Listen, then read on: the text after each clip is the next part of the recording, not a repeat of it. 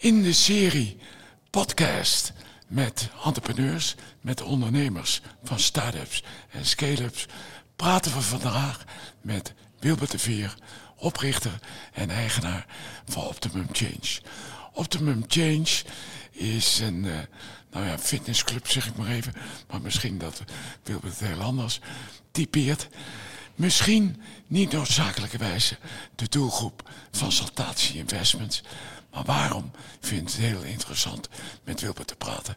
Want hij is een echte entrepreneur. Een echte entrepreneur die zijn tweede locatie opende op 1 maart 2020. De datum waarop COVID-19 uitbrak. En korte tijd later kon hij meteen sluiten. Hij kreeg geen reductie van zijn hoge huur. En toch slachtte hij erin. Terwijl zijn twee locaties gesloten waren. Om slechts 5% op zijn omzet in te leveren. Kortom, een echte entrepreneur. Daarom praten we hem. Wilbert, leuk dat je hebt toegestemd om aan deze podcast mee te werken. Dankjewel. Leuk laten dat we aanwezig mag zijn. Ja, laten we voor uh, de luisteraars uh, en uh, de kijkers eens even luisteren naar hoe jij aan dit avontuur begonnen bent. Vertel, wat is jouw opleiding en hoe ben je langzaam toegegroeid naar, ik geloof tien jaar geleden, het openen van je eigen business. Klopt, klopt. Ja, tien jaar geleden kwam ik dus... Uh, ik heb sportkunde gedaan, hbo-opleiding in, uh, in Sittard, destijds nog. Nu verhuisd naar Eindhoven. Um, daar heb ik uh, fitness, gezondheid en welzijn, zo heette dat toen, gestudeerd. Dus heel veel met gezondheid over het, over het lichaam. Um, toen nog helemaal niet het idee van, nou, ik ga starten als, als personal trainer of wat dan ook. Want ik, ik had eigenlijk maar één doel en dat was, ik zorg dat ik in de, in de topsport terechtkom. Dat, dat wil bijna iedereen op zijn opleiding, dus daar wil ik heel graag naartoe. En um, ik heb daar gewerkt, ik ben als analist, ben ik na mijn opleiding gaan werken in het topzwemmen.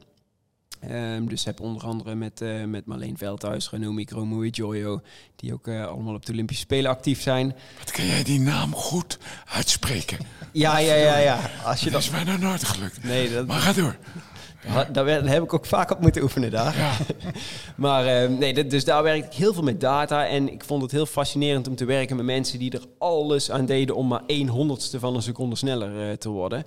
Um, Alleen ik heb daar uh, wel geteld drie, drie weken een betaalde baan gehad. En toen werd ik al uh, wegbezuinigd vanwege de recessie die, uh, die destijds dreigde.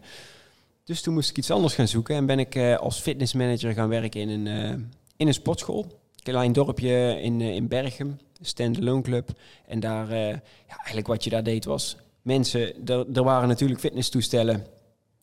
En dan mocht je mensen één keer in de acht weken een nieuw trainingsschema geven. Dan legde je die apparaten uit en dan uh, zag je die mensen vervolgens drie weken fanatiek dat doen. Dan zag je ze weer vijf weken niet, omdat ze dan uh, toch geen stok achter de deur hadden en uh, weer thuis op de bank bleven.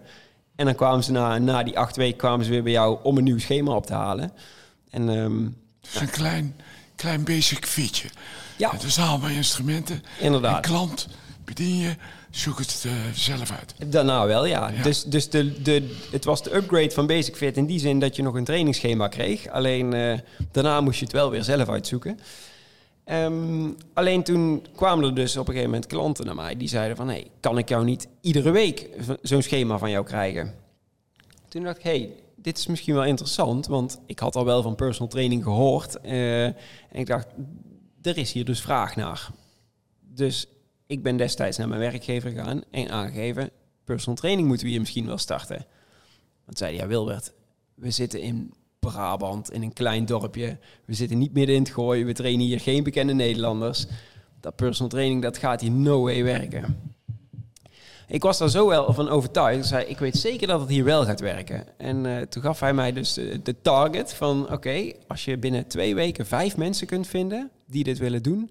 dan mag je dit uh, gaan opstarten. Dus uh, nou, ik was destijds 22 jaar. Ik dacht, uh, oké, ik maak een, een klap of een, eh, een, clipboard. Ging langs mensen, wil je dit doen? Moesten ze ook echt tekenen. Van, bij deze verklaar ik dat ik met Wilbert ga trainen. Ik betaal 50 euro per uur en ik doe dat voor minimaal drie maanden. Handtekening zetten. En ik had dus binnen twee, binnen twee weken had ik 12 mensen bij elkaar. Dus 12?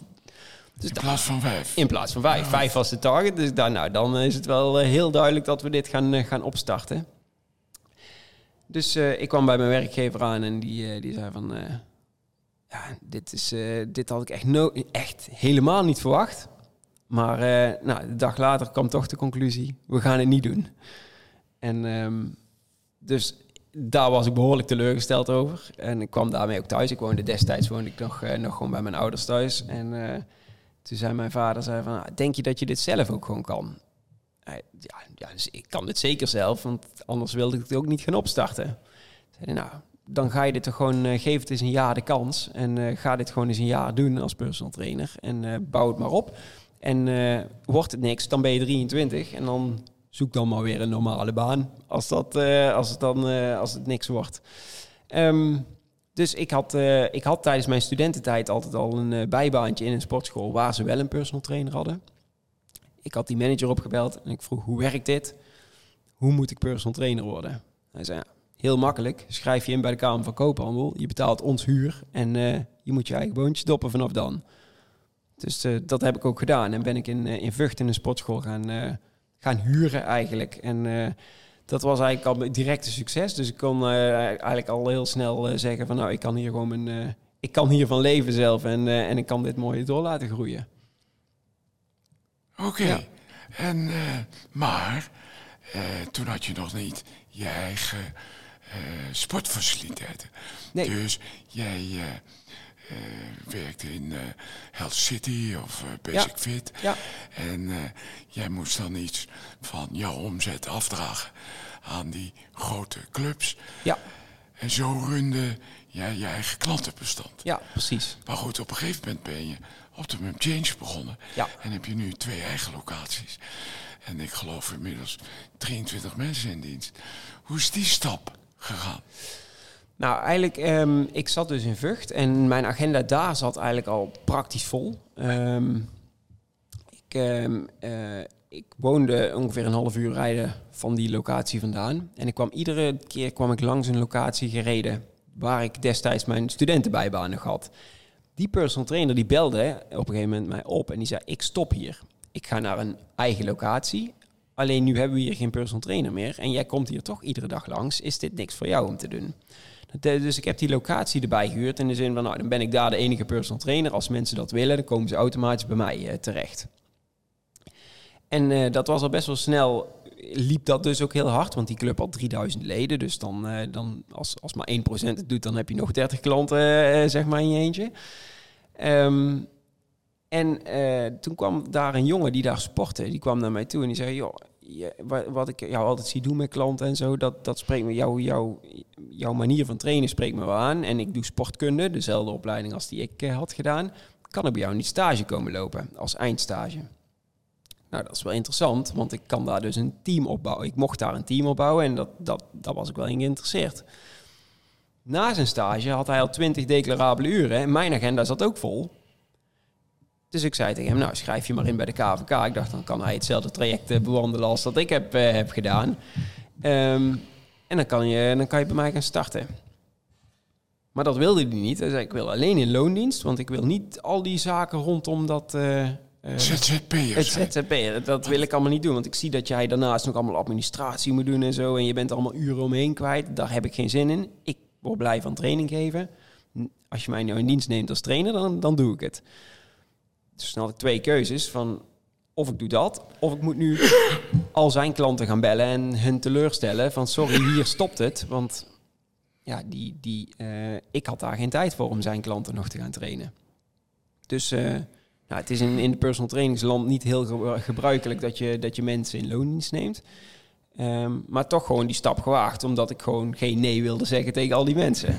En, ehm, maar dat is uiteindelijk een hele goede keuze geweest, omdat wij hebben dus samen met, eh, eh, met mijn eerste werknemer, dus hebben ons team echt uitgebouwd toen tot vijf mensen. En toen hadden we wel zo, eh, kwamen we op een punt, oké, nu lopen we dus binnen een sportschool van een ander. We, hebben hier, we zijn met een team van vijf, ons klantenbestand is inmiddels meer dan 100 mensen.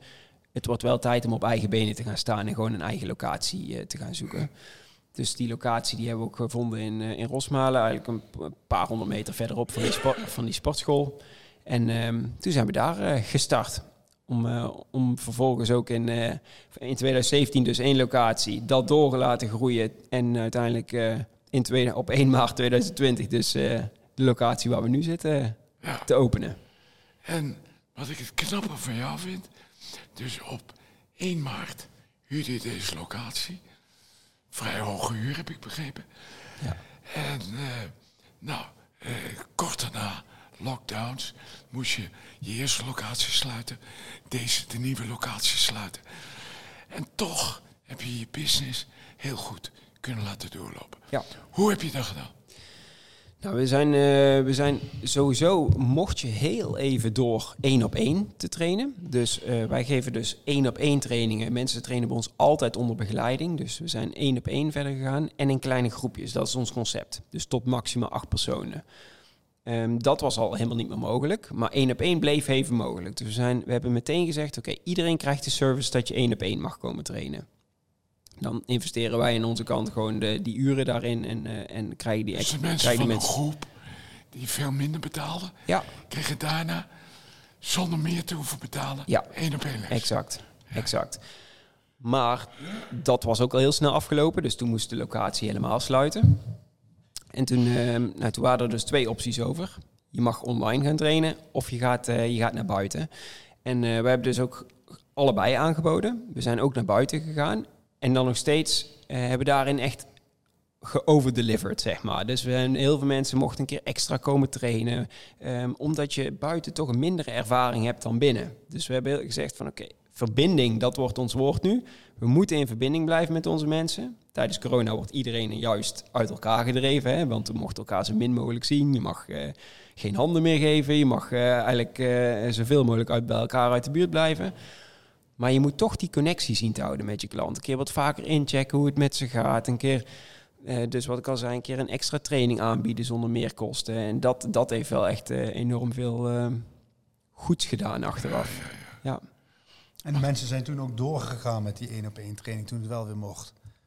Sommigen wel, inderdaad. Ja. Sommigen wel. Sommigen zijn ook weer teruggegaan in die groep. Maar, uh, maar er zijn wel een aantal mensen daar ook in gebleven. Als ze teruggegaan zijn, dan was dat een financieel argument. Ja, vaak wel. Ja, ja vaak wel, want je deelt natuurlijk het kosten. 50 uh, eh, euro ja, per uur bijvoorbeeld. de meeste toch, toch veel. Ja, precies. Dus uh, daarom kiezen ze ook in eerste instantie voor zo'n groep. Dus vandaag, ja. Dus wat jij eigenlijk doet met 24 mensen of 23 op de payroll is vrij uniek in jouw branche. Want bijna iedereen in de fitnessbranche werkt met ZZP'ers. Ja, inderdaad. En hoe uh, hou jij jouw mensen happy? Hoe motiveer je ze? Hoe krijg je het esprit de corps nou, onder jouw mensen? Sowieso, hè? dat is eigenlijk wat je net al zegt. Gebruikelijk is om met ZZP'ers te werken, maar daardoor creëer je al heel snel verschillende eilandjes binnen, de, uh, binnen één organisatie. Dus je krijgt heel veel uh, bedrijfjes binnen je bedrijf. En dan is nooit iemand een team. Maar wat je dus ook krijgt, is je bent dus, stel je hebt 100 klanten, je hebt 10 trainers en iedereen traint 10 mensen.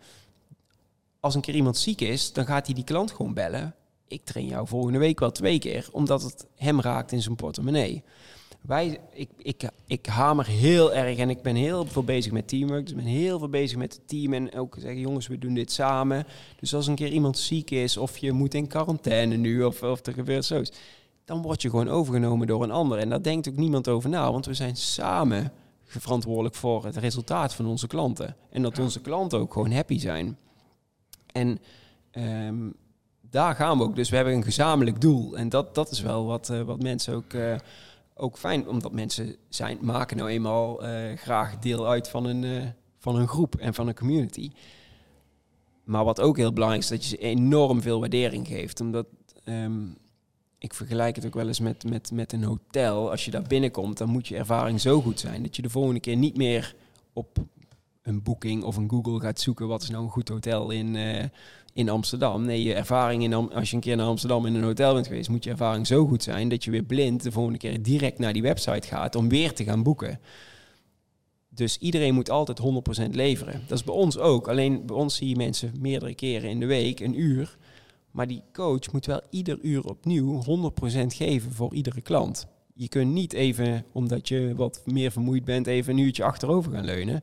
Want dan heeft die klant een mindere ervaring. Ehm, dus je moet ze enorm veel waarderen op het feit van dat zij altijd maar 100% ieder uur op, opnieuw aan die klant eh, geven. Ja, ja, ja. Nou, als je nu terugkijkt op eh tien jaar ondernemen. Ja. Wat zijn dan voor jou de geleerde lessen? Wat zijn de do's en don'ts zoals jij ze geleerd hebt tijdens eh tien jaar ondernemen? Ja, dat zijn denk ik eh, wel twee belangrijke dingen. Is, eh, het, het, het, het allereerste is eigenlijk waar we het net over hadden. Je gaat op 1, op, op 1 maart open en je mag eh, een aantal dagen later mag je weer dicht. Maar ik denk dat je bent er inmiddels wel achter dat ondernemen is maar één ding. En dat is gewoon problemen oplossen. En denken, en denken in mogelijkheden en niet alleen maar in problemen gaan, eh, gaan denken. Dat doet me denken die kreet van jouw vader aan het begin van ons gesprek. Die zei, probeer het nou een jaar.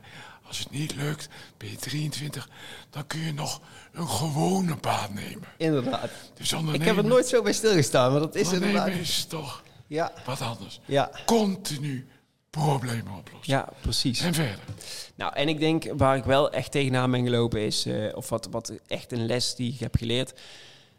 Je moet als, on- als ik opnieuw zou moeten beginnen, dan zou ik echt al mijn ideeën die ik heb en de processen, hoe, je- hoe, je wil gaan, hoe je wil dat je bedrijf gedraaid wordt, dat je dat in ieder geval protocoliseert, zodat het altijd binnen je team, dat al die, die stappen gedragen kunnen worden, zeg maar. Ehm, ik heb bijvoorbeeld in 2017, dat was overigens, ik, eh, eh, want ik, ik heb iets met openingen trouwens, als, je, als ik er nu over nadenk. Eh, ik, hier ging je dus 1 maart open, twee weken later ben je dicht. Maar wij gingen op, eh, op 5 februari ging- 2017, heb ik de locatie, eh, mijn eerste locatie geopend. Het was een heel heugelijk moment. Maar drie, we- drie weken daarna kreeg mijn vrouw een hersenbloeding. Eh, dus je zat in, eerste instantie helemaal euforisch van, oh yes, eindelijk naar een eigen locatie, vijf mensen personeel, super mooi. Alleen binnen drie uur eigenlijk weer helemaal verliefd op een roze wolk eigenlijk, zeg maar. Maar daar werd je na drie weken alweer heel hard vanaf ge- ge- gedonderd. Maar mijn vrouw kreeg toen eh, dus een, een, vanwege een aangeboren hersenaandoening kreeg zij een hersenbloeding. Ehm, waardoor ik ineens uit het bedrijf gerukt werd, want ik moest gewoon voor haar zijn in het ziekenhuis. En ehm, wat ik toen wel heb ervaren is, oké, mijn trainingen die werden allemaal overgenomen door trainers, was allemaal geen, geen, eh, geen probleem. Maar het bedrijf kabbelde wel gewoon steady door. Dus het kostte ook niet veel klanten, maar we groeiden ook niet meer. En, en ehm, De driving force was ja, ja, precies. En, en nou, wat we dus ook bijvoorbeeld, heel simpel voorbeeld, wat we bijvoorbeeld voor klanten doen, is, is dat we even wat extra's doen dan alleen maar dan training geven. Dus we proberen de, de, net een stapje verder te gaan. Dus ehm, met een Pasen eh, loop ik hier altijd als paashaas door de club en mogen de kinderen van de, van de klanten mogen, mogen paaseitje komen zoeken. Dat wordt enorm veel gewaardeerd. Dat gebeurde dat jaar ineens niet meer. En dan denk je, hoe kan dat nou? Maar dat heb ik nooit iemand verteld of nooit gedeeld. Van dat is gewoon de manier hoe Optimum Change werkt. Dat we net even dat stapje extra voor een klant eh, eh, doen. Community idee. Oh, Ja, Onder je klanten ja, precies. eh, brengen. Ja, precies. Maar ook hoe, ehm, hoe voer je nu een intake met mensen? Dus er komt een nieuwe klant binnen, maar hoe haal je nou echt die emotionele trigger omhoog? Waarom komt die klant bij ons trainen? En, en kijk, bij iedere club of bij iedere fitnesscentrum komt er iemand binnen die zegt ik wil vijf kilo afvallen. En dan zeggen ze nou, dan gaan we daaraan werken. Maar je wil weten, maar wat betekent dat dan? Is dat voor de een dat hij dat hij echt eh, eh, eh, niet tevreden naar zichzelf kijkt in de spiegel. Maar voor de ander kan dat best betekenen. We hebben hier mensen die zeggen van ik kan, ik, ik, heb een, ik heb een zoontje van vijf. En als ik daar een potje mee, als die zegt papa zullen we gaan voetballen, dan heb ik drie keer die bal overgetrapt. En dan, dan denk ik ik kan niet meer. En daar wil ik vanaf, want ik wil met die kleine kunnen spelen. En daarom moet er vijf kilo vanaf, want dat is wat ze dan denken. Dus die vijf kilo, dat is voor iedereen anders dat had ik mijn team ook nog nooit geleerd. Dat ik juist daar naar op zoek ben, zodat je dan heel gericht je plan eh, in kunt werken. Want ik, zei- ik zei dan, oké, we, gaan, eh, we gaan nu deze klant, want ik deed dan de intakes. We gaan nu die klant helpen en die klant die wil weer voetballen met zijn zoontje. Dus ik gaf dat al mee aan de trainer en die wist dan wel wat hij daarmee moest doen. Maar die stappen daarvoor had ik nooit aangeleerd binnen het team. Nu zijn we... ehm, eh, vorig jaar ben ik eh, met mijn vrouw dus een, een maand naar Amerika gegaan. Omdat ze daar naar een kliniek ging waar ze haar verder konden helpen met haar hersenaandoening. Wat trouwens een, een, een enorm succes is geworden. Dus daar ben ik echt nog steeds heel blij mee. Maar wat ook heel mooi was om te zien, dat ik daarmee aan de slag ben gegaan met die processen te leren aan meerdere mensen in het team. En dat het bedrijf gewoon gegroeid is terwijl wij daar in Amerika zaten. Um, dat zat negen uur tijdverschil, dus ik had heel weinig, uh, ik kon ook heel weinig uh, invloed hebben hier op het bedrijf. Naast even mijn mail bijhouden en wat Zoom-meetings doen.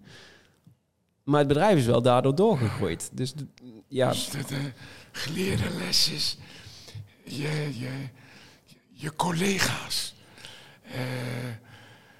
Ja, goed delegeren naar je collega's. Ja. Zo op een hoger plan brengen. Ja, precies. Zodanig dat ze dingen van jou kunnen overnemen. Precies. En als je dan een maand ertussenuit bent, loopt het bedrijf gewoon door. Ja.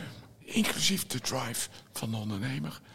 Want stukjes van die drive heb je overgedragen aan diverse collega's. Inderdaad. Dat is een mooie ja. geleerde les, ja. Ik kijk even naar uh, wat jij als geleerde lessen hebt genoemd. Uh, ondernemingsproblemen ja. oplossen.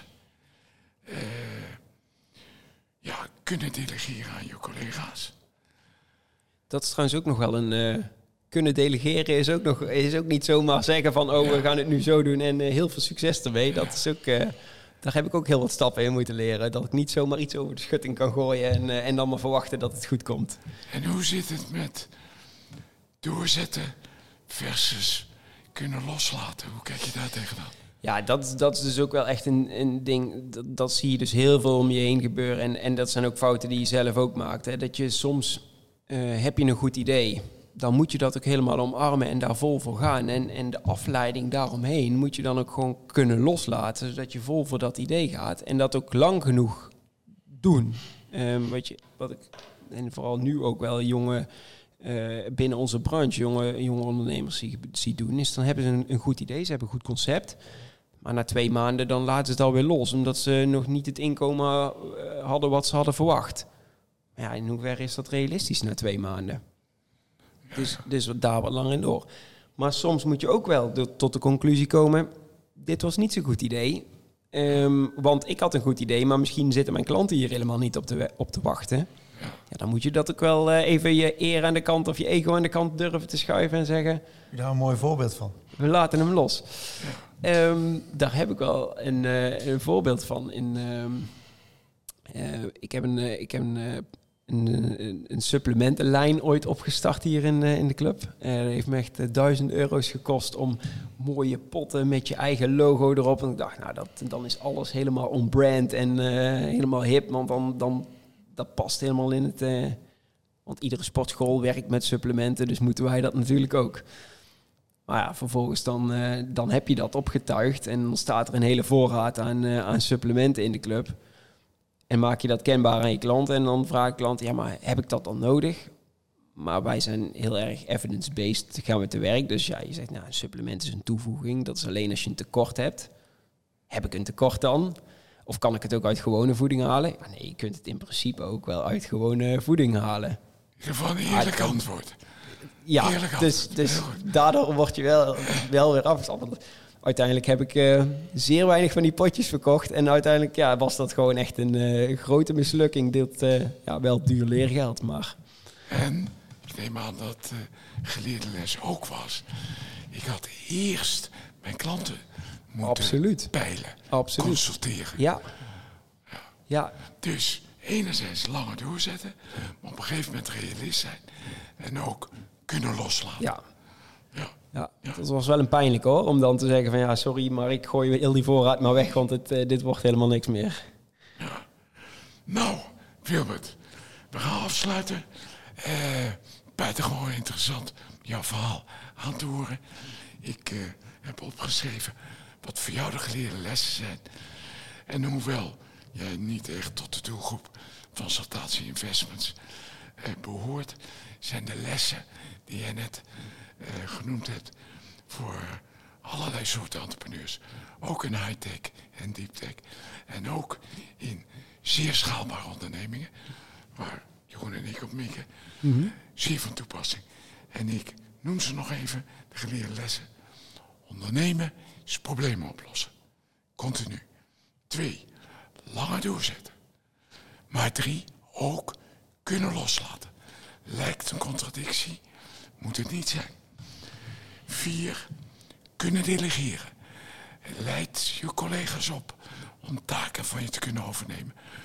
Ook niet alleen suffe uitvoerende taakjes, ook taakjes op beleidsgebied, eh, op het gebied van de drive achter de ondernemer. Vervolgens, collega's moeten zich gewaardeerd voelen. Weer een soort, soort, soort eh, eh, spirit, eh, esprit de corps onder je team hebben. Heb ik van jou begrepen. Moeten collega's zich gewaardeerd voelen. Dan gaan ze het extra mile voor de onderneming. Zeker. En sturen op teamwork voor de klanten. Dus als een klant altijd werkt met eh, trainer X en die gaat voor zichzelf beginnen, dan gaat hij niet onmiddellijk mee met die trainer. Die is gewend dat hij in vele opzichten een eh, lid van een community Juist. is, de Optimum Change Community. Juist. En als die trainer weggaat, dan heeft hij het vertrouwen in. Vertrouwen in dat weer een goede nieuwe trainer. Ik denk dat dit zeer waardige lessen zijn. Voor welke ondernemer dan ook. Dank Ja. voor dit gesprek. Dankjewel. Leuk dat ik aanwezig mocht zijn. Veel succes. Dankjewel. Dat wens ik je.